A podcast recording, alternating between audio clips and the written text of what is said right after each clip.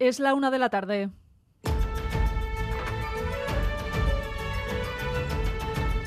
Crónica de Euskadi con Irache Ruiz. Andan quejosos porque, lo habréis visto, dicen, no les hemos felicitado por su resultado electoral. En fin, nuestro partido nunca ha puesto en duda ni la limpieza ni el desarrollo de las elecciones democráticas. Y, en fin, si hay que hacerlo, les felicitamos por sus resultados, también nosotros nos felicitamos por nuestros resultados, así estamos todos contentos y todos felices, y esperamos que cuando haya un gobierno socialista no cuestionen la legitimidad de ese gobierno como llevan cinco años. A Rachaldeón, ¿qué tal? Escuchábamos a Pedro Sánchez, que hasta ahora les presenta a los diputados y senadores socialistas la candidatura de Francina Armengol para la presidencia del Congreso. La expresidenta balear, federalista y cercana a Puigdemont y Per Aragonés, contaría con el aval de la mayoría de los socios del PSOE. Sus votos son necesarios para que en el pleno de mañana el órgano de gobierno del Parlamento amarre una mayoría progresista. Además, Madrid y Sarobaza ya se han acreditado todos los electos vascos. Sí, últimas horas para la constitución de las Cortes. Siguen las negociaciones para la mesa del Congreso desde el más absoluto hermetismo. Nadie quiere dar pistas y todas las miradas están puestas en Junts. Los independentistas son la clave para que la balanza se incline mañana hacia un lado o hacia el otro. Y Puigdemont ya avisa que no van a comprometer sus votos si no hay compromisos probados. Este mediodía reúnen sus ejecutivas el PSOE y Sumar. Los socios confían en que mañana habrá una mesa progresista. De hecho, Sánchez acaba de solicitar la confianza de la Cámara para gobernar. Los populares reúnen a sus diputados y senadores esta tarde. Efectivamente, esta tarde Feijó reúne a la ejecutiva del Partido Popular, fijarán postura y podrían oficializar como candidata a la presidenta, presidencia de la Cámara Baja a la hasta ahora portavoz Acuca Gamarra. Insiste Feijó en presentar candidatos a la mesa y no descarta postularse a una futura investidura. Esta mañana en el Boulevard, el diputado popular Javier Andrés reconocía que siguen tanteando al PNV y también a los socialistas con la esperanza puesta en un posible acuerdo entre los dos grandes partidos españoles. La solución pasaría por una búsqueda de un acuerdo de centralidad en el que participara, por supuesto, el Partido Socialista y también el Partido Popular, buscando soluciones en la centralidad, buscar alianzas en la centralidad política española Buscan esa gran coalición para evitar la repetición electoral. Y en Navarra arranca el segundo mandato de María Chivite con un ejecutivo en el que destacan dos caras nuevas, las del titular de Economía y la consejera de Justicia e Interior, Aritz Aguirre. Más de la mitad de los consejeros del Gobierno repiten en el cargo, 7 de 13. Entre las novedades, los consejeros designados por el PSN. José Luis Arasti, hasta ahora delegado del Gobierno en Navarra, será el nuevo consejero de Economía y Hacienda. Y la consejera de Interior, Justicia y Función Pública, Amparo López, que ha sido hasta ahora la directora de la Consejería, directora de Interior y tuvo cargos de dirección en el gobierno vasco, tanto en tráfico como en Administración de Justicia. Tres vicepresidencias y trece consejerías, misma estructura del gobierno anterior que ya tuvo críticas de la oposición por considerarlo demasiado amplio.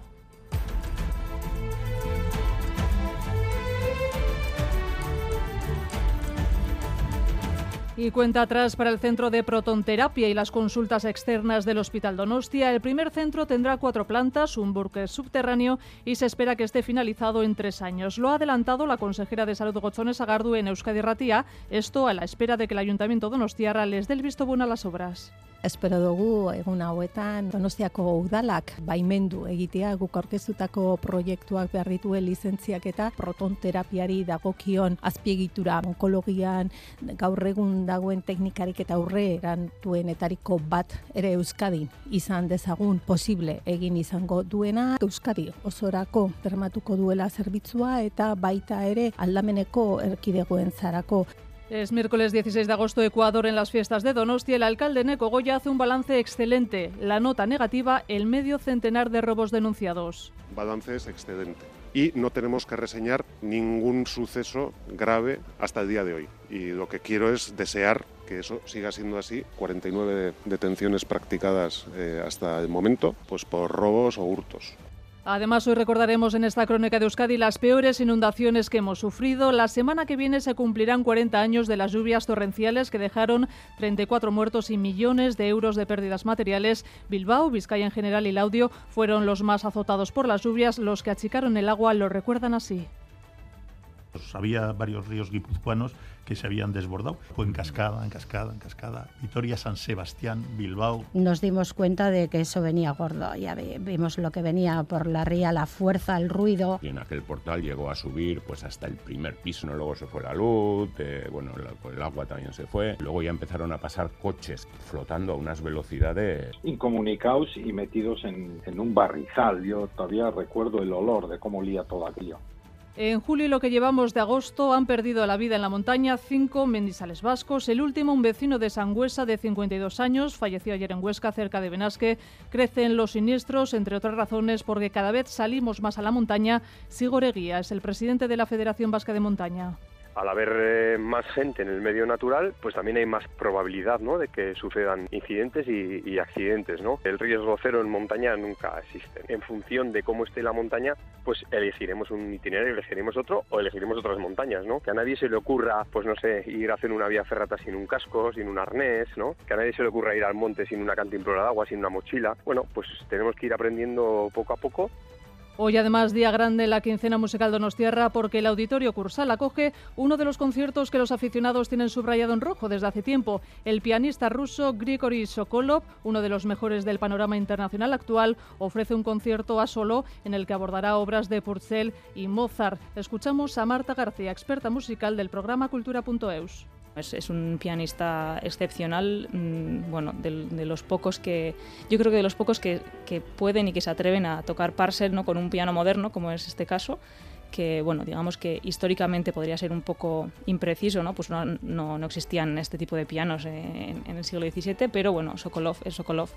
Destacamos también los titulares del deporte. César Pérez Gazola, Gazola Zarracha León. Gracias, Andriache. Mikel Landa correrá con el equipo belga del Soudal Quick Step las dos próximas temporadas. Lo ha hecho oficial hoy su nueva escuadra, un conjunto al que llegará Landa tras eh, correr todavía en este final de temporada la Vuelta a España con Bahrein. Será compañero, por cierto, del campeón del mundo de contrarreloj de Renko Benepul. Y hoy vamos a conocer a la segunda selección finalista en el Mundial Femenino de Fútbol de Australia y Nueva Zelanda. Están jugando ahora mismo, este miércoles, las actuales campeones de Europa, Inglaterra, que ganan 1-0 a Australia al equipo anfitrión el equipo que gane, el equipo que se ponga hoy, se medirá a España en la final del domingo. Y esta noche, José Luis Mendilíbar, el técnico de Zaldívar, va a buscar hacer historia con el Sevilla. Juegan los hispalenses ante el City, ante el Manchester City de Pep Guardiola, los ganadores de la última Champions, la final de la Supercopa de Europa en Atenas. En cuanto al tiempo, según Euskalmet, hoy seguimos con muchas nubes y lluvia en Vizcaya, Guipúzcoa y Parralde, al menos hasta bien entrada la tarde, cuando podrían abrirse algunos claros. En Araba y Navarra, en cambio, la tarde será soleada, aunque el viento del norte será molesto y también puede haber alguna tormenta a última hora del día. Las temperaturas similares a las de ayer. A esta hora tenemos 22 grados en Bilbao y Donostia, 23 en Vitoria y Gasteiz, 24 grados en Bayona, 26 en Pamplona. Para mañana sepan que se espera un cambio, más calor, más calor. De hecho, a mediodía se activará un aviso amarillo por temperaturas altas extremas en Araba, que el viernes se extenderá también al interior de Vizcaya y Guipúzcoa. En carreteras hay mucho tráfico en la AP8 en Irún sentido Donostia. Se registra a esta hora cerca de un kilómetro de retenciones por esa afluencia de vehículos. Paula Asensio y José Ignacio Revuelta en la dirección técnica, Ainhoa Iglesia en la coordinación de esta crónica de Euskadi que comenzamos ya.